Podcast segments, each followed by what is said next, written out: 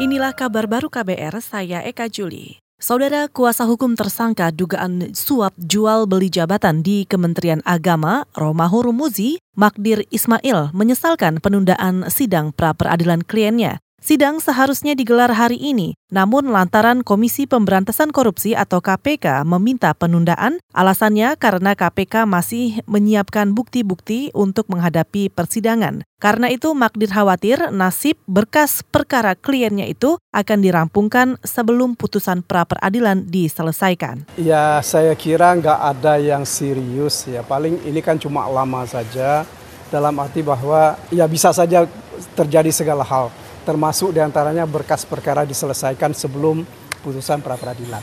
Ya, saya, saya begini, saya percaya bahwa proses hukum ini dilakukan dengan itikat baik, termasuk penundaan ini. Ya.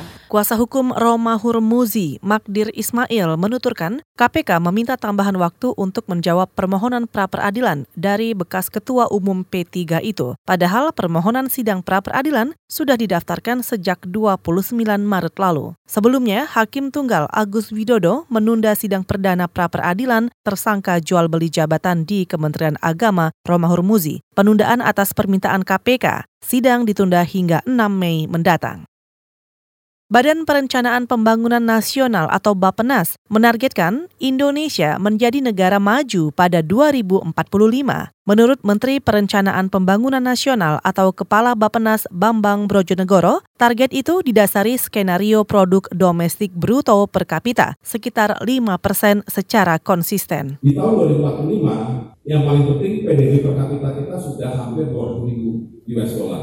Ya, sekarang ini sekitar 4 ribu US dollar dengan demikian, kita sebenarnya sudah keluar dari menjadi kampret atau menjadi negara maju itu kira-kira tahun 2038. Menteri Perencanaan Pembangunan Nasional Bambang Brojonegoro optimistis Indonesia bisa menjadi negara maju pada 2045 mendatang. Pemicunya antara lain kemunculan Cina sebagai penguat ekonomi Asia dan pengendalian jumlah penduduk Indonesia yang dibarengi peningkatan kualitas pendidikan.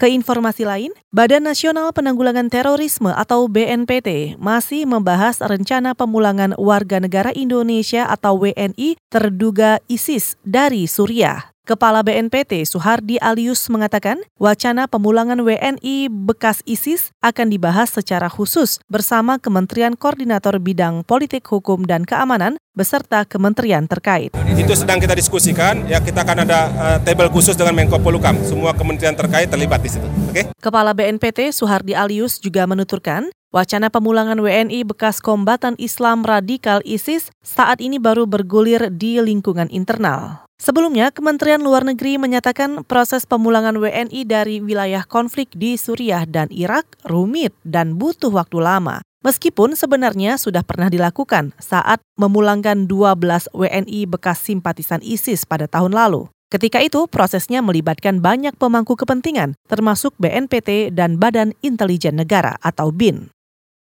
Kita ke Kalimantan Timur, pemerintah kota Balikpapan bakal menghentikan penjualan telur dan daging ayam jika ada pedagang yang menjual bukan dengan harga per kilogram. Pelaksana tugas Dinas Perdagangan Kota Balikpapan, Arzaidi Rahman menegaskan, itu sesuai dengan ketentuan Menteri Perdagangan, di mana semua distributor telur dan daging ayam diimbau menjual ke pedagang dengan hitungan per kilogram. Tapi ini harus dilaksanakan karena ini aturan. Kalau misalkan ini tidak dilakukan, ya jangan salah nanti pada saat kita lakukan sidak, kita stop penjualannya.